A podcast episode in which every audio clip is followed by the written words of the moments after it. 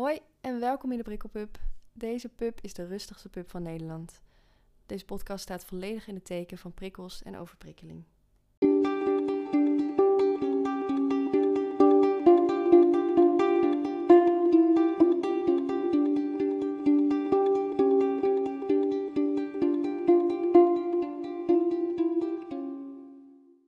Oké, hoi. Leuk dat je weer luistert. En ik zit hier vandaag eh, in mijn woonkamer met Liesbeth.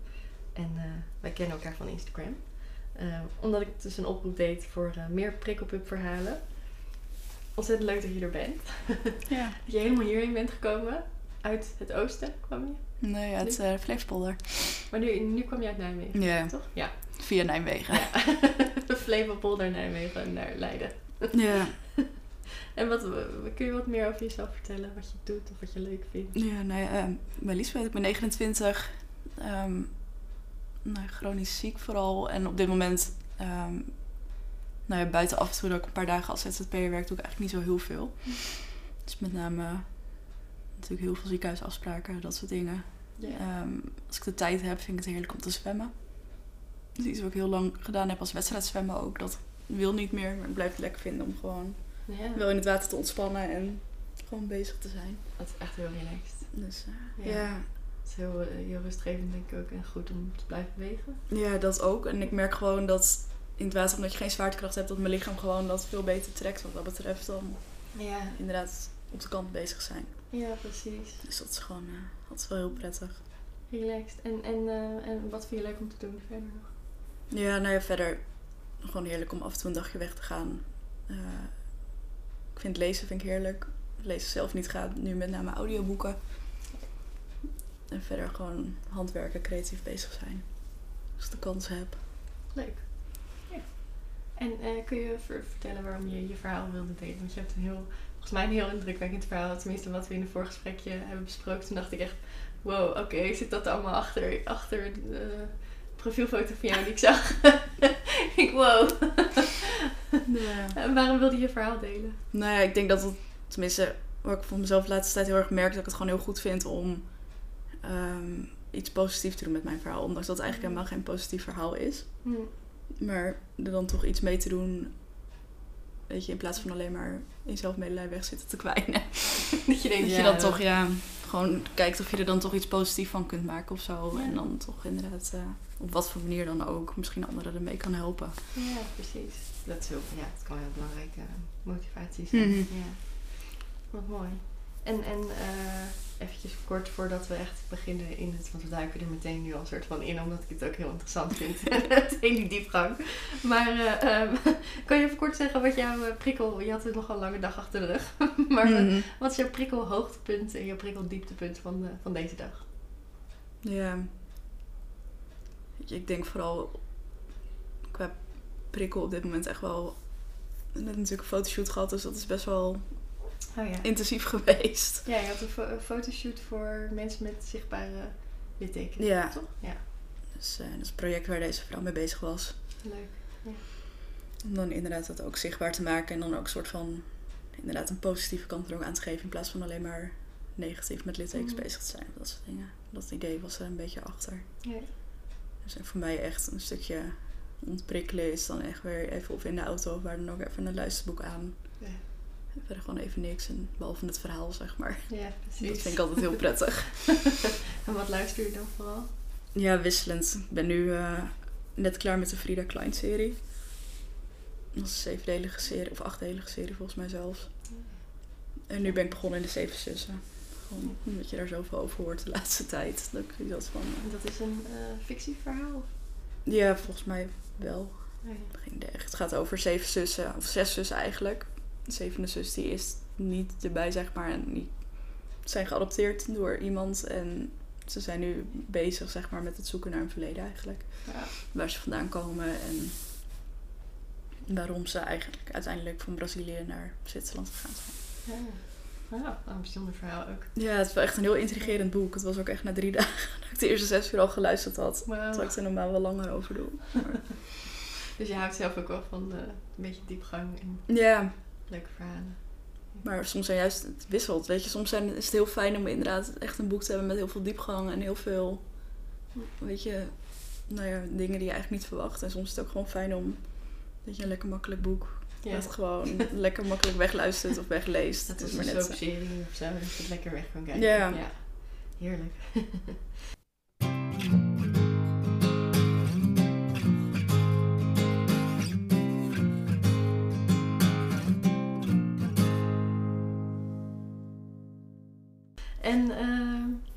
om, om er maar in te duiken. Maar ik, ik, ik was dus nogal geïntegreerd door die foto van jou dat je in een kajak of een kano, ik weet niet wat het was. Kajak. Kajak. Wildwaterkajak. Ja, dat je dat aan het doen was. En dat was, was op een reis ergens. Ja, het was een eh, reis met eh, jongeren die allemaal kanker hebben gehad. Ehm, en eigenlijk dus inderdaad nog steeds... De, er is zeg maar... wordt ook altijd wel gezegd, er is een leven voor kanker en een leven na kanker. En dat is ook zo. Weet je, het wordt eigenlijk nooit meer helemaal hetzelfde. Er zit altijd wel iets, zeg maar, achter inderdaad. En er is nu een organisatie die heeft dan... Het is eigenlijk vanuit Amerika hebben ze dat afgekeken, zeg maar. Ah, Die dus ehm reizen organiseert voor dus inderdaad jongeren die ziek geweest zijn. Om te laten zien eigenlijk een stukje weer vertrouwen in je lichaam te geven. Te laten zien dat je eigenlijk nog steeds meer kan dan dat je misschien wel denkt. Mhm. En ook gewoon inderdaad in contact te komen met andere jongeren die eigenlijk een soort van hetzelfde meemaken, in hetzelfde schuitje zitten. Dat is een beetje het idee daarachter. Wauw. Mooie, mooie organisatie. Ja, Powder Days eh, heet het. mooi. En het komt dan, zeg maar, de Amerikaanse versie is dan de First Descents. En, maar die doen eigenlijk hetzelfde. Ja, ik, ik vind het ook mooi dat je dat zegt. Ik heb het natuurlijk met Rebecca heb ik het er ook over gehad. En die had een hersentumor. Ja, die ken ik ook. ja, ja, precies. Volgens mij net via haar eh, kennen we elkaar ook een Hmm. beetje. Maar dat is natuurlijk heel intens. Ik heb zelf ook heel veel met het onderwerp. Ik heb geen idee hoe het is om kanker te hebben of te leven met kanker. Maar mijn moeder heeft kanker gehad en Mhm. die is daarin overleden helaas. Maar het lijkt me bizar. Eh, ik ken die hele andere kant niet. Dat je dat hebt gehad en Nee. eh, dan weer verder moet. Ik denk dat het voor mij wel anders is, omdat ik vrij jong was, zeg maar. Dus Mm. dat leven voor, ik was vijf. Dus dat leven voor, dat ken ik natuurlijk niet Ja, echt. dat herinner je je waarschijnlijk Voor mij is niet goed. Ja. Vrij normaal inderdaad allemaal geworden. Maar weet je, ik denk wel dat je... Ik heb wel mijn leven lang altijd wel gemerkt dat je... Ik weet niet, anders bent of zo dan soortgenoten. Mhm. Of leeftijdsgenoten vooral. soortgenoten. Dan andere mensen. Nee. Vooral dan leeftijdsgenoten dat je gewoon merkt dat je voorloopt geestelijk. Dat je, weet je, waar mensen zich heel erg druk maakten om een tussenhuur bijvoorbeeld. Dat ik zoiets van, ja, weet je, Ja. boeiend. Er zijn zoveel ergere dingen. ja. En dat je daardoor echt wel merkt, zeg maar, dat je een soort van, ik weet niet, een soort van eenzaam bent Mhm. in heel veel dingen. Dat je het ook lastig is om vrienden te maken. Ja, kan me goed voorstellen. Want je was dus vijf toen, en toen kreeg je wat voor soort kanker? Ik heb een eh, nierkanker gehad. Alleen dan een vorm die eigenlijk vrij weinig voorkomt. En daarna is er ook van alles nog met je gebeurd. Want in 2015 heb je een beroerte gehad. Ja, het is een eh, soort beroerte, zeg maar. Het is ehm bij een beroerte zelf, zeg maar, je herseninfarct heb je vooral dat, eh, dat je hersenen geen zuurstof meer krijgen. Bij mij was het meer dat zuurstofarm bloed niet meer uit mijn hoofd wegkwam. Oh, ja. Dus het is eh, zeg maar een trombose in de vaten in plaats van in de slagaders. Om het heel simpel Mhm. uit te leggen. Ja. Dus ehm, is waardoor dus inderdaad de druk in mijn hoofd veel te hoog werd. Halfzijdig verlamd geweest, blind geweest. ja. Met spoed geopereerd toen inderdaad. Maar dat is allemaal na 2015 gebeurd, of in 2015. Ja, het april 2015 was dat. Oh, ja. En tussen dat je kind was en eh, je bent natuurlijk behandeld geweest. Mhm. Daarna heb je, heb je daar nog heel veel last van gehad? Of heb je nog andere dingen gehad? Nou ja, met name chronische vermoeidheid. En dan inderdaad nierschade door, de, door een van de chemo's die ik gehad heb. Ja. Waardoor ik dus inderdaad heel veel kaliumverlies, heel veel fosfaatverlies. Ja. Het kalium is eigenlijk ook pas wel in 2015 ontstaan. Dat was vooral met name het fosfaat wat dat heel laag was. Hm. Maar eigenlijk nooit heel veel last van, behalve vermoeidheid. Ja, ja. Wauw. En, en, en nu heb je daar ook nog last van, neem ik aan. Ja, klopt. vermoeidheid. En, eh, ja. Wauw. Het eh, lijkt me heel pittig. Hoe ga je daarmee om? Ja, ik weet niet. Dit, het zijn vaak niet eens dat ik er heel bewust mee omga of zo. Maar het is gewoon aan de ene kant inderdaad plannen zeg maar wat je doet of wat je gaat doen. Hm. Eh, rekening houden ook dat je inderdaad na een drukke dag zorgt dat je een paar rustige dagen hebt. Dat je in ieder geval een beetje kan acclimatiseren weer. En verder is het eigenlijk gewoon, weet je, proberen te genieten van de kleinere dingen en gewoon Hm. je ding doen. Ik weet niet, zeg maar, ik denk dat heel veel mensen, als je in een soort gelijke situatie terechtkomt, dat buitenstaanders heel vaak zoiets hebben van ik weet niet hoe je het doet. Hmm. Maar dat het voor mij eigenlijk is van ik heb geen keus. Het Ja, is gewoon, precies. weet je, je zit er middenin en je moet wel. En ik denk dat dat voor mensen die niet chronisch ziek zijn heel lastig te begrijpen is. Hmm. Dat het gewoon inderdaad geen keuze is en dat je gewoon doet hoe, wat je moet doen. ja.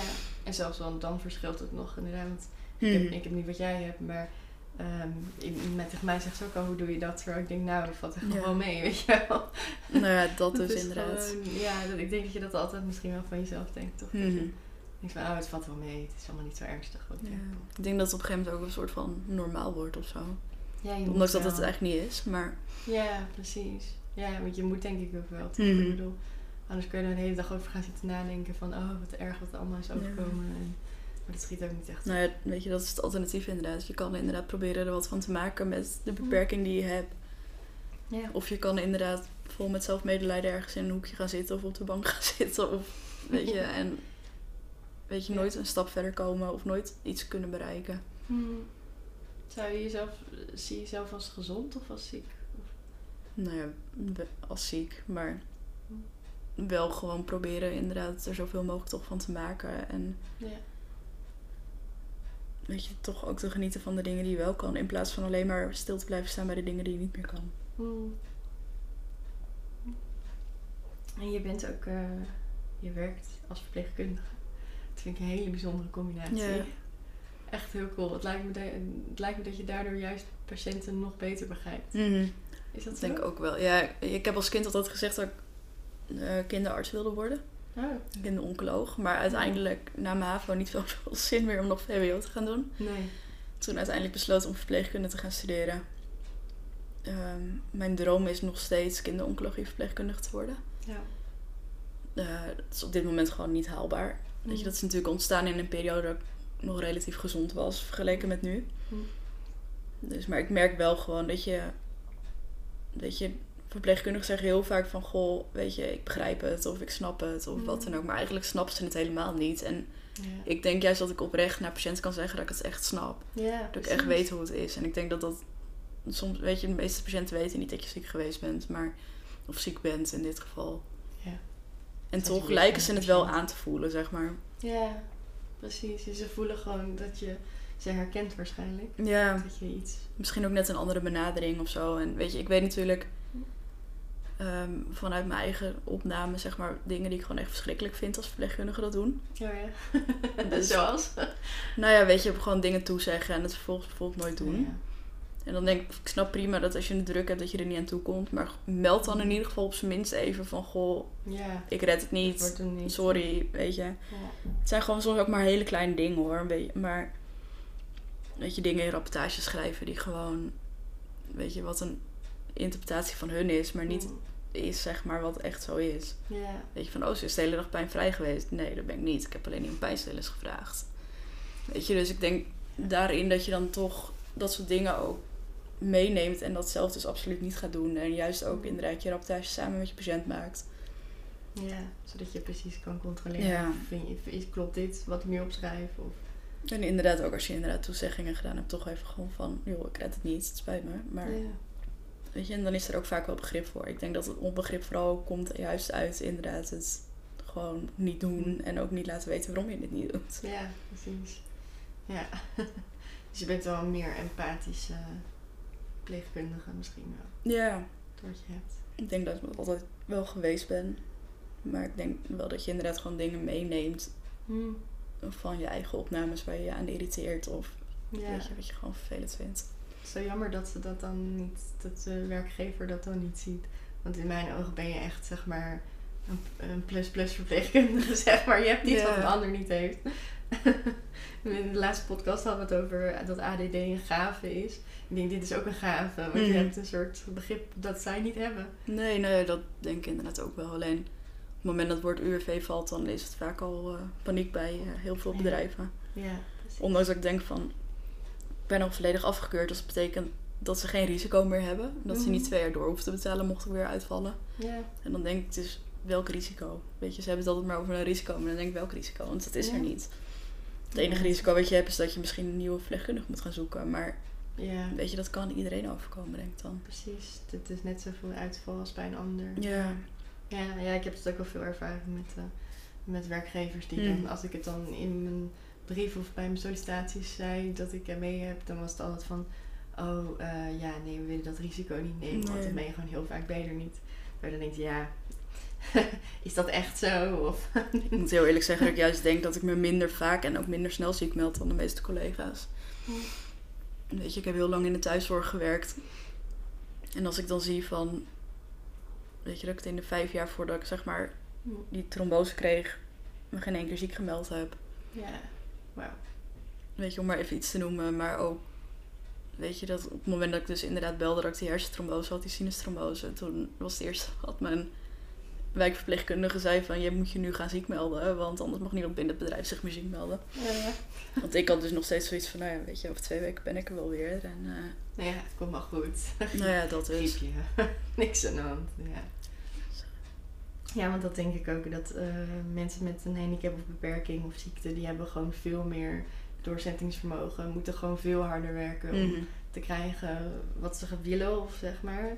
En ze moeten dus ook heel veel keuzes maken die echt goed voor hen voelen, omdat ze pijn of vermoeidheid hebben. Herken jij je daarin? Ja, ik denk ook wel dat het misschien niet eens zozeer doorzettingsvermogen is, maar dat het meer is van je weet hoe het is om nog zieker te zijn of nog vermoeider te zijn. Dus dat je veel minder snel bij een keer een verkoudheid of wat dan ook dan inderdaad Hmm. zegt van goh, ik kom niet. Waar iemand die nooit wat heeft, Ja. dat het einde van de wereld is. Ja. Bij wijze van spreken. En ik denk dat dat ook echt wel meespeelt daarin. Ben je ook meer dankbaar? Dat je, dat je denkt, ik ga een soort van meer dankbaar door het leven? Of waardeer je Ja. meer? Het kan heel erg van periode tot periode verschillen. Sommige momenten inderdaad wel, omdat je gewoon veel meer van kleine dingen kan genieten. Nee. Wat heel veel andere mensen niet kunnen, of minder kunnen in ieder geval. Mhm. Maar soms is het ook echt wel eens dat je denkt van... Weet je, het is wel een keer genoeg nu. Ja, Zeg maar precies. omdat het gewoon in ieder geval bij mij steeds meer bij komt. En Ja. dat je gewoon ook weet, zeg maar, dat er eh, eigenlijk alleen maar achteruitgang zal zijn. En dat het ook nooit meer beter zal worden. ja, dat idee lijkt me heel lastig. Ja, Ja. ja, hoe ga je daarmee om? ja. Ik heb op dit moment gewoon heel veel gesprekken met maatschappelijk werk waar ik dan dat je heel goed mee overweg kan. Dus die, eh, weet je, en dan is het vaak ook niet in een kamer ergens, maar dan weet je ergens in het bos afspreken en gewoon lekker naar buiten. En, weet je, en ik denk dat het gewoon echt een rouwproces is waar je doorheen gaat. En dan, weet je, vooral een rouwproces over het verlies van lichaamsfuncties, verlies van toekomstdromen. Ja. Omdat je gewoon op een gegeven moment heel veel, voor mij in ieder geval geldt, dat je heel veel dingen hebt moeten laten. Weet je, het ik roep al van mijn vijfde dat ik inderdaad op de kinderoncologie wil werken. Maar ik weet ook nu dat de kans heel klein is dat het ooit gaat lukken.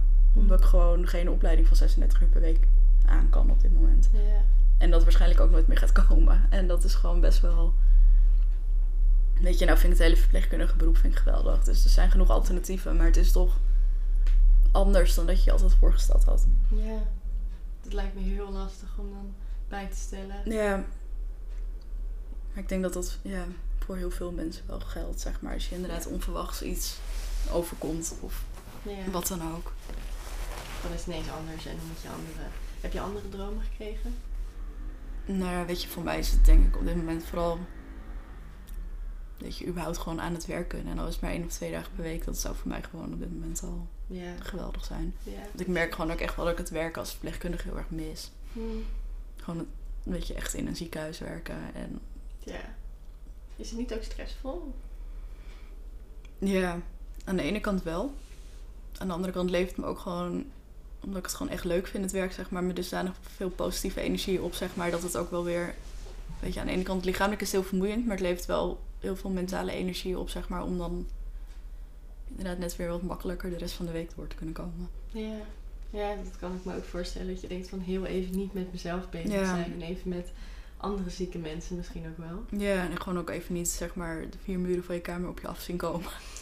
Dat is ook wel prettig. Maar inderdaad gewoon even, eh, weet je, gewoon ook jezelf nuttig maken of zo, onderdeel van de maatschappij zijn. Ja.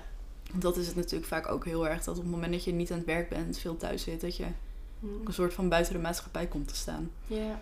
Ja, ik heb het alleen maar ook als ik heel vaak dagjes thuis werk of zo. Dan denk ik soms echt, wat doet de rest van de mensheid buiten dit raam? Dat inderdaad. ja. Heb je, heb je keuzes daarom gemaakt in je leven die echt goed voelen, die meer bij je passen, die je misschien, ja, dat weet je natuurlijk misschien niet, want je bent al lang ziek, maar die je anders niet, die je anders niet gemaakt zou hebben? Ja, ik weet niet. Mijn moeder heeft ook altijd wel gezegd van... Ik denk als jij niet ziek geweest was, zeg maar echt als vijfjarige... Mm. Denk ik niet dat jij het ziekenhuis ingegaan was als verpleegkundige of überhaupt de zorg niet. Ja, ja, precies. Weet je, waarschijnlijk wel iets met kinderen, maar dan waarschijnlijk meer de pabo of wat dan ook. Nou ja. Dus ik denk dat wat dat betreft, dat zeg maar überhaupt het ziek zijn wel heel veel invloed heeft gehad, zeg maar, op de keuzes die ik inderdaad daarna gemaakt heb. Ja. En Ben je nog erg veranderd de laatste jaren? Ja, ik weet het niet. Weet je, ik denk dat vooral, ehm, nou, weet je, op het gebied van inderdaad gezondheid is natuurlijk best wel heel erg achteruit gegaan. Mm. Maar ik denk uiteindelijk dat je daar ook wel weer een soort van groeit of zo. Weet je, en ik weet ook niet, als ik 15 jaar geleden zo ver achteruit gegaan was, of ik er dan op dat moment mee om had kunnen gaan. Ja. Daar ben je natuurlijk veel jonger. En, Ja, ook dat. En, Ja. Maar ik denk dat ik ook überhaupt, ook door mijn opleiding, denk best wel een groei heb meegemaakt in heel veel, weet je, heel veel dingen qua. Weet je, het is in de verpleegkunde, qua opleiding leer je ook best wel heel veel over jezelf. Over hoe je inderdaad met situaties omgaat en hoe je inderdaad richting stages gaat en hoe je je daarop voorbereidt. En ik denk dat dat deels ook echt wel geholpen heeft, zeg maar. Deels ook omdat ik gewoon weet wat er allemaal gebeurt. Niet vanuit een buitenstaander, maar ook gewoon echt vanuit het medisch vlak. Precies. Dat je inderdaad gewoon een soort van meer houvast hebt of zo op- op wat er gebeurt. Ondanks Mm. dat je er nog steeds niks aan kan veranderen. Maar je weet in ieder geval, weet je, dat begrip is er wel. Ja. Ja, precies. Dat kan wel schelen ook. Ja. Ik denk dat het ook echt wel geholpen heeft daarin. Ja. ja, het is natuurlijk, je komt jezelf denk ik ook heel erg tegen in zo'n opleiding. Dat je, dat je echt jezelf ontwikkelt. Misschien meer dan in een andere opleiding Mhm. waar je gewoon stof leert. Eh, dat je Ja. echt, echt jezelf leert kennen. Ik denk dat je dat inderdaad met heel veel gezondheidsopleidingen wel Ja. hebt. Ja, zeker. Heb je ook het gevoel dat je wel een beetje dan daardoor een positieve wending hebt kunnen geven ook? In ieder geval aan jouw leven. Maar- Ik weet niet. Lastige vraag. Ik denk dat het vooral. ehm, dat je, je bent als verpleegkundige, zeker de thuiszorg waar ik werkte, kom je best wel intiem ook bij mensen thuis. Dat het gewoon heel goed voelt als je dan inderdaad na het overlijden van iemand een weet je, bedankbrief krijgt met, weet je, het heeft zoveel betekend. En dat jij er zeg maar was die laatste periode. En weet je, mijn moeder Ja. klaarde altijd op als ze dan hoorde dat jij er weer was. En. Weet je, dat zijn gewoon echt wel hele fijne dingen. Wat voor mij dan ook echt wel weer een soort van positiviteit in mijn Mm. weet je, dagelijkse leven geeft of zo. Het goed, voelt gewoon heel goed. Ja, dat je ook kan Heel doen dankbaar. en dan toch van even ook iets kan geven. Ook al heb je misschien het gevoel dat je niks te geven hebt Mhm. of zo. Maar dat je dat dan toch kan. Ja, terwijl het vaak ook echt maar hele kleine dingen zijn. Weet je, iemand die niet meer naar buiten kan. Weet je, gewoon even met bed en al naar buiten neerzet omdat de zon schijnt. Ja, Ja, ja. weet je, waarom niet? Ja, heerlijk. ja. Weet je, en ik ben dan ook altijd iemand die dan inderdaad liever met mijn patiënten, cliënten naar buiten gaat. Dan dat ik inderdaad achter de computer ga zitten rapporteren en Mm. bezig ben. Wat dus heel veel collega's toen wel deden in die tijd dat ik daar stage liep. ja. Dan ging jij gewoon naar buiten. Ja, Wat goed. ja, weet je, ik denk, het is voor mezelf goed. Het is voor je cliënt is het heerlijk, want die Ja. heel veel hadden ook geen familie meer of familie ver weg. Of, Ja, dus als jij dat dan even kan doen, dan ja, is dat super waardevol. Ja. Lijkt me echt wel een uitdaging, ondanks dat je dan zelf ook met dingen zit. Maar het lijkt me ook zo verrijkend dat je op zo'n moment gewoon er voor iemand anders kan zijn. En je soort van, allebei heb je een moeilijke situatie, maar je, weet je, je, probeert toch iets ervan te maken of zo. ja. Ik denk dat ik het ook gewoon wel heel fijn vind. Zeker nu, weet je, begin van mijn opleiding, begin van mijn carrière zeg maar, als verpleegkundige, is dat natuurlijk veel minder geweest. Mm omdat ik toen natuurlijk veel, dat ziekteproces zeg maar als vijfjarig veel minder bewust meegemaakt had. Nee. Maar ik denk nu zeker de laatste tijd dat het gewoon echt wel heel fijn is om, weet je, gewoon je eigen ervaring die je hebt, ja. dan in te kunnen zetten inderdaad. Super. Om toch net even makkelijker te maken voor je patiënten.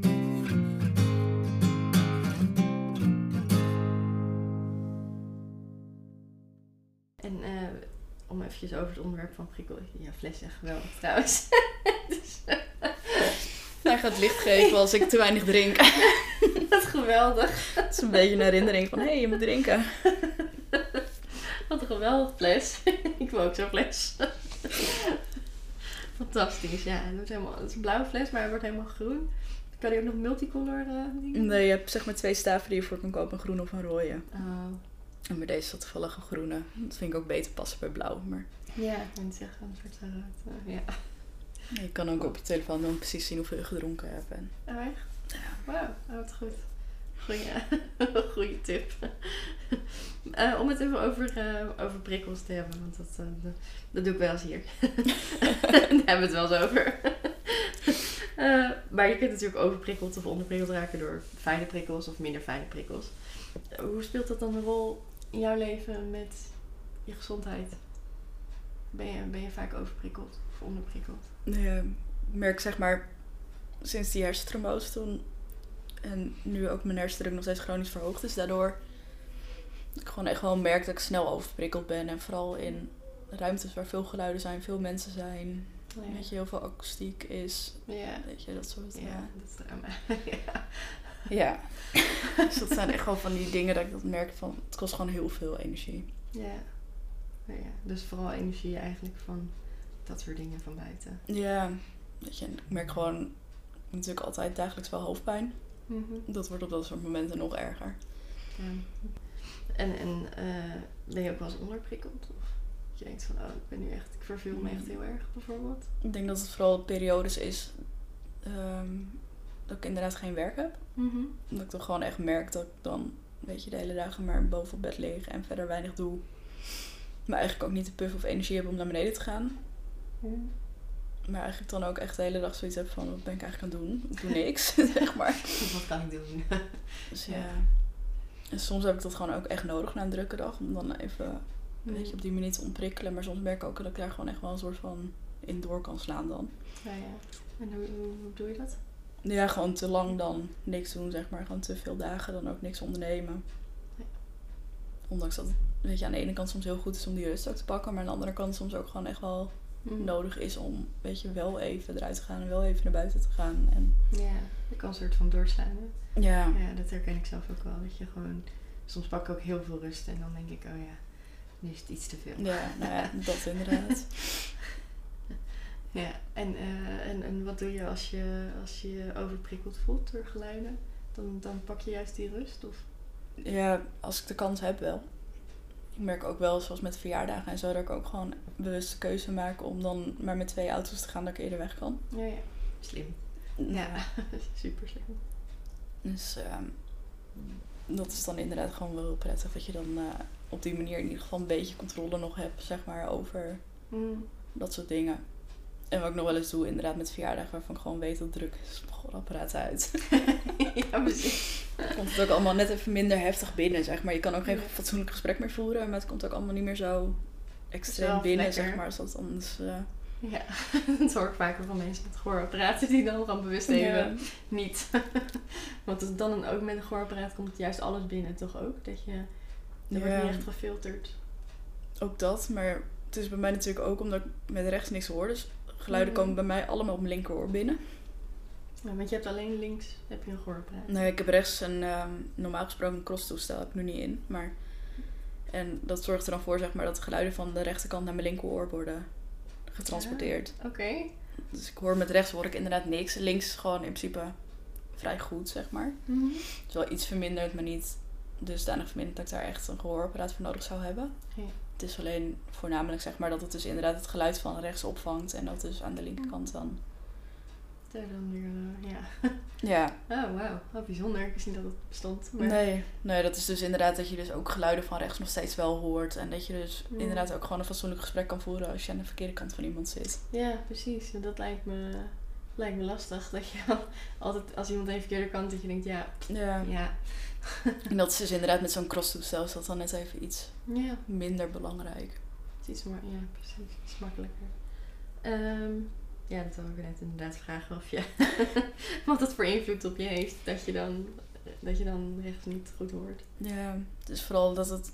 ehm, dat je constant heel veel moeite moet doen, ook sowieso om mensen te verstaan. Zeker als je niet één op één een gesprek hebt, maar echt met meerdere mensen tegelijk bent. Ja. Het is gewoon heel lastig om een gesprek te voeren. En ook dat kost gewoon heel veel energie. Mm. Omdat je gewoon constant heel erg aan het focussen bent op inderdaad wat iemand zegt. Of je het wel verstaat, of je het wel goed hoort. Dus ook dat merk ik. En het is nu dan, ik denk een jaar dat ik dat heb. Zeg maar dat ik met rechts niks meer hoor. Maar ik merk dat dat ook echt wel invloed gehad heeft het laatste jaar, zeg maar. Ja. En dat is natuurlijk ook weer inderdaad dat, dat rouwen en dat loslaten Ja. van dingen die achteruit gaan. Ook dat inderdaad. Maar dat weet je dus elke keer niet wat er nog allemaal gaat komen. Nee, dat is inderdaad, vaak is het gewoon, weet je, de verwachting dat het dan redelijk stabiel zou moeten blijven. En dan uiteindelijk komt er toch of weer wat nieuws bij. Of, weet je, mijn drain gaat kapot, waardoor je weer aan Ja. een operatie vastzit. Dat, ja, die lekte eerst toch? Of, ik zag iets van, je deelde iets. Ja, nee, mijn, ehm, ik heb zeg maar twee drains. En mijn rugdrain, die, zeg maar, die ligt dus niet goed meer. Die zit niet meer in mijn rug. Mm. Maar die ligt ergens los te liggen in mijn buik. Fijn. Waardoor hij dus eigenlijk niks meer doet. Alleen mijn huidige neurochirurg die wil daar dus niks aan doen. Want die vindt het risico van twee drains te groot. En de neurochirurg die die twee drains geplaatst heeft, ben ik toen bij weggegaan. Mm. Omdat hij dus niet door had dat er echt wat aan de hand was. En toen Ja. kwamen we dus uiteindelijk na een half jaar erachter bij die nieuwe neurochirurg dat die drain dus niet goed meer lag. Wauw. En hij heeft dat dus gewoon een half jaar gemist. Dus Ja. Oh, dit heeft ook een heel heftig effect op je, denk ik. Ja, nee, het is vooral op het moment dat de hersendruk heel erg hoog is. ehm, dat je inderdaad en heel veel hoofdpijn hebt, maar je gaat ook bazig zien. Mm. eh, constant oorzuizen. Dus je hoort- ik hoor zeg maar of constant mijn hartslag of constant een Nee. pieptoon of wat dan ook. Eh, ik heb nu bijvoorbeeld dat ik constant water hoor lopen. Dat is ook echt heel irritant. Ja. Ehm, weet je, en daarnaast gewoon heel erg last van misselijkheid overgeven. Als het Mm. echt heel hoog wordt, uitvalsverschijnselen. Oh, ja. Dus Mhm. dat zijn inderdaad ook echt wel dingen wat dan invloed heeft. Ik vind het allemaal echt heel naar om te horen dat je zo dat je van zoveel dingen last hebt en dat het dan ook nog erger wordt. Dat je niet een soort eh, lichtpuntje hebt van oh nee, maar als ik dit doe, dan wordt het beter. Mhm. Of als ik dit. Het is blijft constant zoeken, zeg maar. Ja. En wat ik gewoon zelf heel frustrerend vind, dat elke keer als je dan iets gevonden lijkt te hebben, dat er dan, weet je, of een complicatie of wat dan ook optreedt, waardoor je dat dan vervolgens weer niet meer kan doen. Ja, ja. Ik heb een tijd bijvoorbeeld voor die dagen kaliumfosfaat ik een tijd eh infusen gekregen wekelijks. Hm. Waardoor het eigenlijk heel goed ging. Ook geen opnames meer, niks. En vervolgens een infectie. En ze durven geen nieuwe lijn meer te plaatsen. En het is klaar, weet je. En dan ben je dus eigenlijk, begin je weer van vooraf aan. Ja. Ja, En dat is gewoon, dat is wat ik het meest lastig vind. Soms dat gewoon elke keer als je dan iets gevonden lijkt te hebben wat werkt. Hm. Dat er dan vervolgens weer iets tussendoor komt waardoor het dan weer gestopt moet worden. Of er niet mee verder gegaan kan worden. Ik ben ook elke keer hoopvol en dat het dan en dat Ja. je dan elke keer weer die teleurstelling hebt. Weet je, gewoon, ja, dat dus. Weet je, maar ook nu, weet je, heel lang klachtenvrij geweest met twee drains. Hm. En vervolgens duurt het iedereen moeilijk om die tweede drain terug te plaatsen. Omdat je, weet je, de risico's ineens veel te groot zijn. Ja, terwijl je denkt van doe er maar gewoon, want dan helpt het. Ik weet dat het me helpt. Nou ja, dat Dus- is inderdaad. Ja, oh man. Oh, ja, ik haat ziekenhuizen. dat je er dan ook nog werkt. Dat is heel knap. ja, ik weet niet. Ik vind het als, zeg maar, om te werken vind ik het echt geweldig om er rond te lopen. Maar om inderdaad als patiënt uit te liggen is het toch net weer even anders. Ja, precies. Ja, als je er loopt, dan denk je, ja, we hebben de macht. Ja, ja, weet je, zolang ik niet voor mezelf ben, maar inderdaad of voor mijn werk of een keer op bezoek of wat dan ook, vind ik het heerlijk of zo. Ik weet niet, er hangt gewoon een soort van sfeer. Ja, ook als je er werkt, zeg maar, ja, weet je, zeker nachtdiensten kunnen gewoon altijd best wel heel gezellig zijn. Mm. Weet je, wat we dan nog wel eens deden was inderdaad een bak popcorn erbij, tosties en weet je, filmpje kijken. Want Ja, je, weet je, je hebt toch niet heel veel te doen over het algemeen. Natuurlijk heb je wel je vaste dingen die je moet doen, maar dat was dan inderdaad wel, als je dat dan Mhm. gedaan had, dan Mm. zo tussen drie en zes was het inderdaad vaak gewoon een filmpje kijken. Gewoon lekker de ochtend uitziet.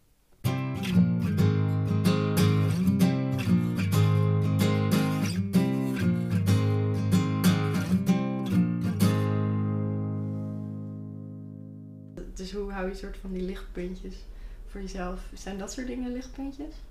Ja, nou ja, weet je, ik werk nu natuurlijk niet, dus nu heb ik dat dan iets Ja, minder. nu dan even niet. Ja. Dus met zijn gewoon, weet je, inderdaad altijd wel heel bewust ehm, aan de ene kant wel wat dingen plannen. Dat je Mhm. in ieder geval nog iets om naar uit te kijken. Aan de andere kant is het ook zo vaak dat je dingen dan toch weer af moet zeggen vanwege een opname of omdat je je niet goed genoeg Ja. voelt of wat dan ook. dat je soms ook gewoon juist meer van de spontane dingen bent. Mhm. Omdat het dan in ieder geval geen domper is, zeg maar, als het dan niet doorgaat. Omdat je het toch niet gepland had. Ja, ja. Weet je, dus Ja. dat is wel iets wat we dan de laatste jaren gewoon heel erg geleerd hebben, zeg maar. Dat inderdaad last minute dingen Mhm. over het algemeen beter werken, omdat je die niet af hoeft te zeggen. Ja. Gewoon lekker spontaan. Ja, gewoon op de dagen dat het inderdaad net even wat beter gaat. Of als het heel mooi weer is. Of wat dan ook. Dat je dan net even eh, op dat moment dan besluit om dan een dagje weg te gaan. Of een weekendje weg te gaan. Ja, dat is relaxed. Dat je gewoon geen, nergens aan vast zit. Nee, Dat je inderdaad. het altijd af kan zeggen. Ja, dat is wel een goeie. Ja. En eh, ehm, wat zijn fijne prikkels dan ook voor jou? Ja, weet je, ik vind het altijd heel fijn om buiten te zijn bijvoorbeeld. Gewoon echt even... Lekker je, alleen mezelf, natuur. verder niks. Gewoon... En dan maakt het me ook echt niet uit of het inderdaad warm is, koud is. Weet je, als het me droog is, dat is het enige. Maar om inderdaad Zoals, gewoon eh, even... Nu ongeveer, ja. Ja, Een soort van. Weet je, zoals gisteren was ook gewoon, dat was koud, maar het was echt een heerlijke dag buiten. Ja, gewoon lekker droog. Ja. Dus eh, ja. Dus ik denk dat dat echt wel helpt, zeg maar, en ook eigenlijk te weinig doe. Hm. En inderdaad, wat gewoon altijd heel erg helpt bij mij met ontprikkelen, is gewoon inderdaad een goed boek opzetten en daarin verdwalen. Ja, Zeker omdat gewoon lezen zelf niet meer lukt. En dan zijn die audioboeken echt wel een heel uitkomst. fijn. Ja. En heb je thuis dan ook echt een rustige plek waar je dat... Dat is dan gewoon je slaapkamer, denk ik. Ja, of inderdaad mijn slaapkamer. Maar ik heb bijvoorbeeld op een, een van de andere slaapkamers, zeg maar, ook gewoon een bed staan. Dat is mijn oude bed van me, zeg maar, toen ik nog thuis woonde. Maar dat is zo'n half hoog slapen van een meter hoog. Maar die is dus precies net zo hoog, zeg maar, als het raam wat daar staat. Ah, ja. Met best wel een mooi uitzicht op het weiland en op de windmolens en noem het maar op. En dat raam is ook echt zo'n raam wat diep is, waar je in kan zitten als je wil. ja, wat fijn. Dus dat is echt gewoon, Ja. vind ik altijd een heerlijk plekje om dan, Dus je woont in een dorp, ja, toch? Ja. tenminste qua inwoners is het een dorp. Tenminste, het is officieel een dorp, maar qua inwoners zou het de stad mogen heten, laat ik het zo zeggen. Maar Ah, ja. Het is niet echt, weet je, het is echt wel zo'n ons kent ons. Ja, precies. Ja, dan is zo'n buiten uitzicht. eh, Ja. ja. Oh, lijkt me heerlijk. heerlijk. Ehm, en heb je ook, doordat je dan lichamelijk, heb je natuurlijk ook, ja, je hebt constant eigenlijk wel prikkels. eh, of pijn of vermoeidheid of Mhm. andere dingen. Heb je daardoor ook meer chaos in je hoofd? Ja, eigenlijk niet. Hm. Met misschien ook, ehm, toevallig met maatschappelijk werk net over gehad, dat ik gewoon heel veel dingen heel erg onbewust wegstop. En dus eigenlijk ook vaak Mm. niet eens door heb wat er in me omgaat of wat er Ja, ja. een beetje speelt. Dat is natuurlijk ook een soort overleven. Ja, Overlevingsstand, ja, snap ik wel. En, en heb je een manier waarop je daarmee omgaat nu? ja nee, het is nu vooral ook heel erg met maatschappelijk werk aan het uitzoeken wat inderdaad helpt. En wat gewoon een goede manier is ook om ermee om te gaan. Want eigenlijk is dat wegstoppen gewoon geen goede manier, zeg maar. en dat gaat je vroeg of laat gaat je dat een keer opbreken. En dat is gewoon, nou, Ja. Ja, precies. Maar het lastige daarvan is gewoon omdat je het niet bewust doet, maar vrij onbewust. Om daar dan inderdaad een manier in te gaan vinden. Dat is logisch hè, als je een periode inderdaad hebt van een soort van overleven. Ik ken zat mensen die dat hebben in traumatische situaties meegemaakt. En dan Mhm. ga je natuurlijk gewoon overleven. Dus dan denk je eigenlijk van, oh, het gaat best prima. Ja. Of je bent, ja, het is niet iets bewust. Er zijn best wel heftige dingen gebeurd natuurlijk de afgelopen vier jaar. Mhm. Ja, Dus, dat is logisch. Goed dat je dat uitzoekt. ja, In ieder geval, ja. dat is ook echt wel nodig, merk ik. Ja, soms is het fijn dat iemand anders dan even zegt. Of Ja. Van, van, oh ja, nee, maar misschien heb je er toch wel last van. je denkt, oh ja. En, en heb je dan verder nog een manier hoe je met prikkels omgaat die je lastig vindt? Ja, ik weet. Voor mij helpt het altijd wel om te schrijven. Om dingen van me af te schrijven. Mooie manier. Weet je, en dan is het vaak meer dat, weet je, dat het op papier staat en dat het gewoon even weg is weer. Mhm. Dan dat je het misschien echt verwerkt. Maar op dat moment is het wel gewoon even weer kwijt. Ja, precies. Dan ben je er even vanaf. Ja. En, en praat je ook met andere mensen om je heen? Of familie of vrienden? Ja, weinig. Ik denk dat ik het meeste inderdaad met maatschappelijk werk bespreek. Ja. Nee. En misschien een keer een enkele goede vriendin, maar verder niet echt. eh. Nee. Nou ja, als je iemand hebt bij wie je kan praten. Ja, Het hoeft niet altijd een bekende te zijn, toch? nee, daarom. En ik denk, weet niet, ik vind het vaak ook makkelijker om dan iemand te hebben die niet bekend is, zeg maar. Ja. Ik weet niet. Er gebeurt natuurlijk al genoeg en weet je, die hebben het zelf ook hun eigen dingen. Weet je, voor hun is het natuurlijk net zo moeilijk als dat het voor mij is. Mm.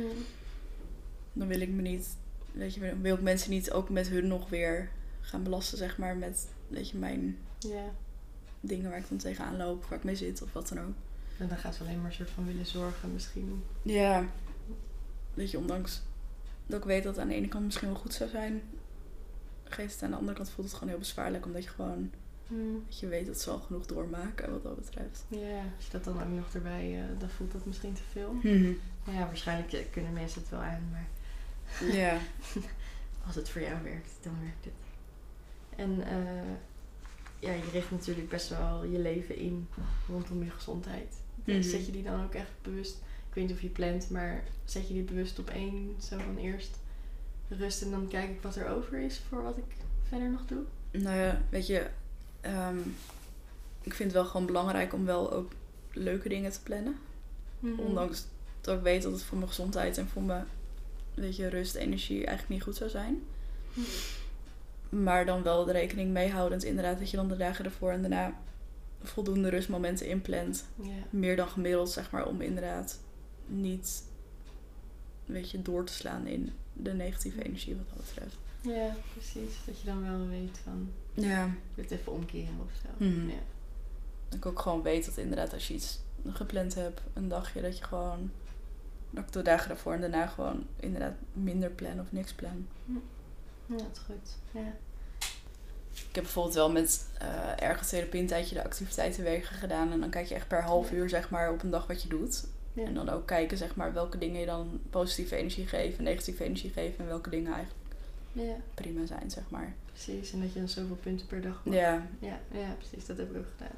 dus dat, Ja. weet je, globaal helpt dat me wel zeg maar. En ik merk ook wel als ik dan inderdaad geen planning maak. En dan is het echt heel globaal hoor. Maar als ik dan inderdaad niks op papier heb staan, dat ik dan toch merk dat ik dan vaak om Hm. vijf uur denk van... Ik heb de hele dag op bed gelegen en niet zoveel gedaan verder. Wat op zich voor een dag niet erg is, maar als je dat drie, vier weken achter elkaar hebt, is dat op een gegeven moment ook niet goed meer. Ja. Weet je, had het straks ook over je man. Je bent getrouwd. Ja, En hoe gaat hij daarmee om eigenlijk? ja. Weet je, in het weekend is het vooral inderdaad vaak op bed tv kijken. Ja. En inderdaad gewoon rust pakken. Ja. Weet je, en voor hem is het natuurlijk, hij werkt natuurlijk gewoon. Hm. Dus het is inderdaad eh,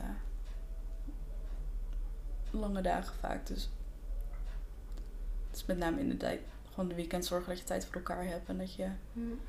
inderdaad dingen kan plannen. Maar kan hij er een beetje mee omgaan? Ja, tenminste voor mijn gevoel wel. Nee. Ja. Weet je, hij heeft ook toen... Ik ben natuurlijk pas ziek geworden nadat we elkaar gekend hebben. We hadden. We hebben leren kennen. Dat we elkaar leerden. Ja, Ik kon niet aan hoor.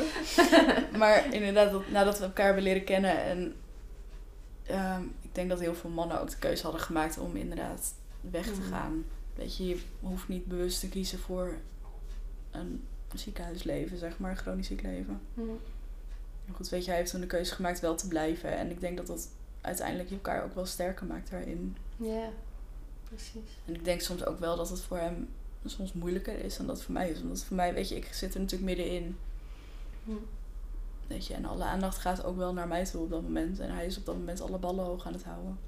Ja, hij is gewoon een soort van alles draaien aan het draaien. Ja. Vindt hij het lastig om zich... Maakt hij zich snel zorgen om jou?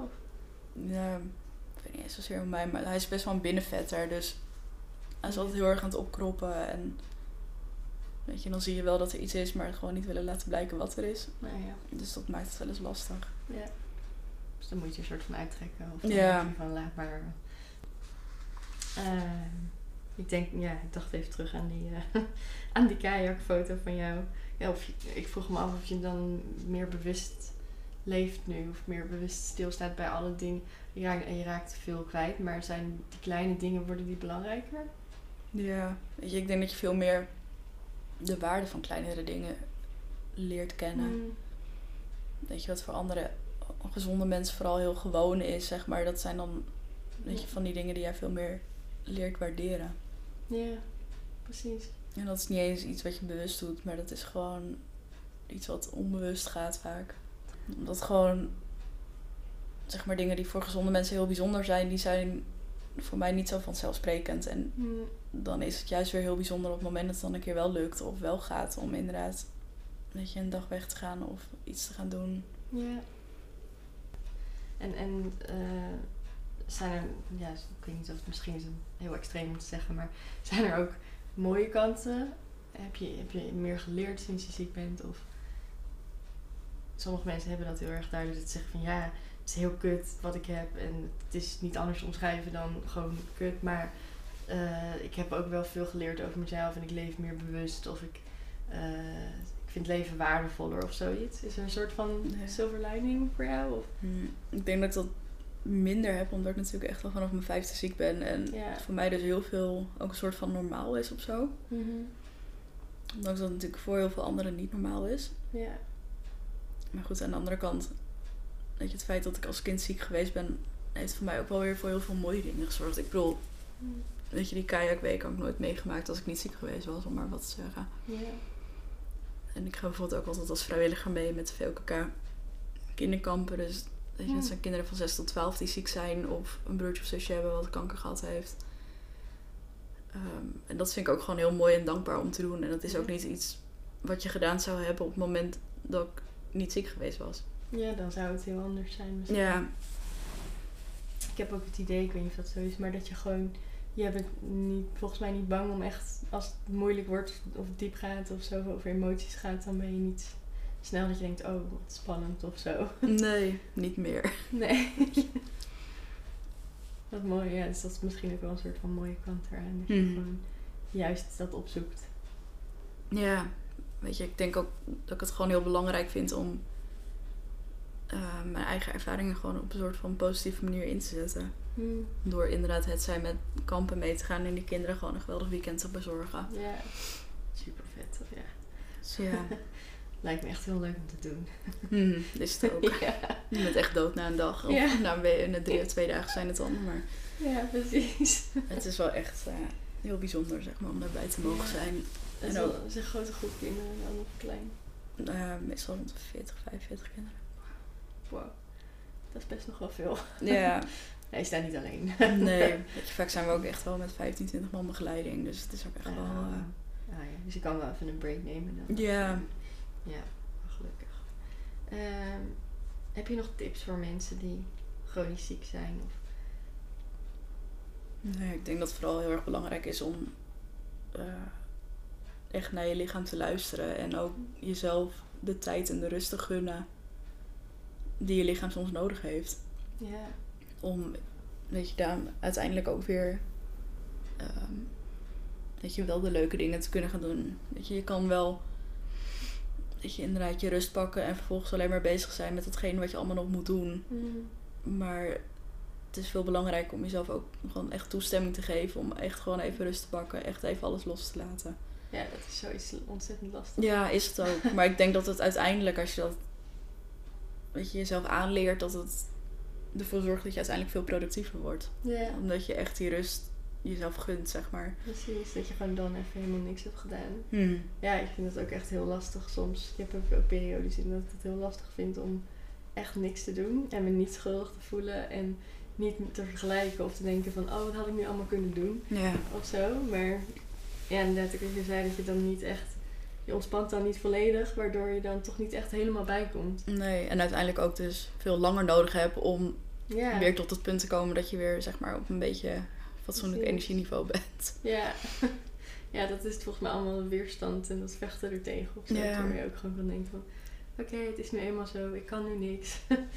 Oké, ik mag even niks doen. Maar ik heb ook wel gemerkt, zeg maar, als je inderdaad dan wel je rust probeert te pakken, maar het jezelf eigenlijk niet gunt, dat je dan, Mm. weet je, bij wijze van spreken vier uur nodig hebt om weer een beetje bij te komen, terwijl je het anders misschien met een uurtje redt. Dus uiteindelijk, als je inderdaad jezelf dat uurtje gunt en ook gewoon echt even loslaat wat je moet doen, dat je uiteindelijk veel meer productief bent. Ja, en dan als je dan gewoon helemaal bent bijgekomen. Maar dat is het ook vaak. Je denkt dan van, oh, maar ik ben zo moe. En als ik ga rusten, dan ga ik helemaal niks meer doen. Terwijl als je gewoon eventjes helemaal gaat rusten, ben je misschien wel na een paar uurtjes weer helemaal ja. fit. En dan kan je weer van alles Weet doen. je, of dus nooit met jezelf afspreken dat je inderdaad gewoon een uur echt even volledige rust pakt, niks doet. Ja, precies. En dan mag je weer, eh, echt wat doen. Of op een trager tempo, dat leer ik ook vaak. Ja. gewoon maar dan eh, niet eh, alles wat je in je hoofd hebt, maar gewoon een paar dingen. Dat, Mhm. eh, dat werkt ook vaak goed, ja. Ja. Heb je nog dingen die je toe wil voegen?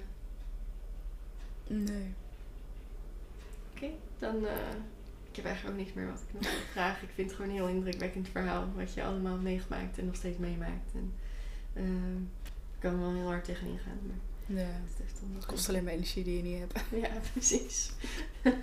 nou, ik wil je ontzettend bedanken voor dit, eh, voor dit diepgaande gesprek. En eh, eh, bedankt voor het luisteren. Mhm. En tot de volgende prikkel. Heb je nog vragen, opmerkingen of onderwerpen waarvan je vindt dat we die echt moeten gaan bespreken? Of wil je gewoon eventjes zeggen hoe leuk je het hebt gevonden? Ik vind het allemaal leuk om te horen. Stuur me dan vooral eventjes een berichtje op Instagram. Je kunt me vinden onder de naam Praktijk Bright, B-R-I-G-H-T. En eh, ook als je je eigen verhaal hier wilt komen vertellen, dat zou ik super leuk vinden. Ehm, en wie weet drinken we dan wel een Guinness samen in de prikkelpub. Ik zie je de volgende nou ja, niet echt zien hè, natuurlijk.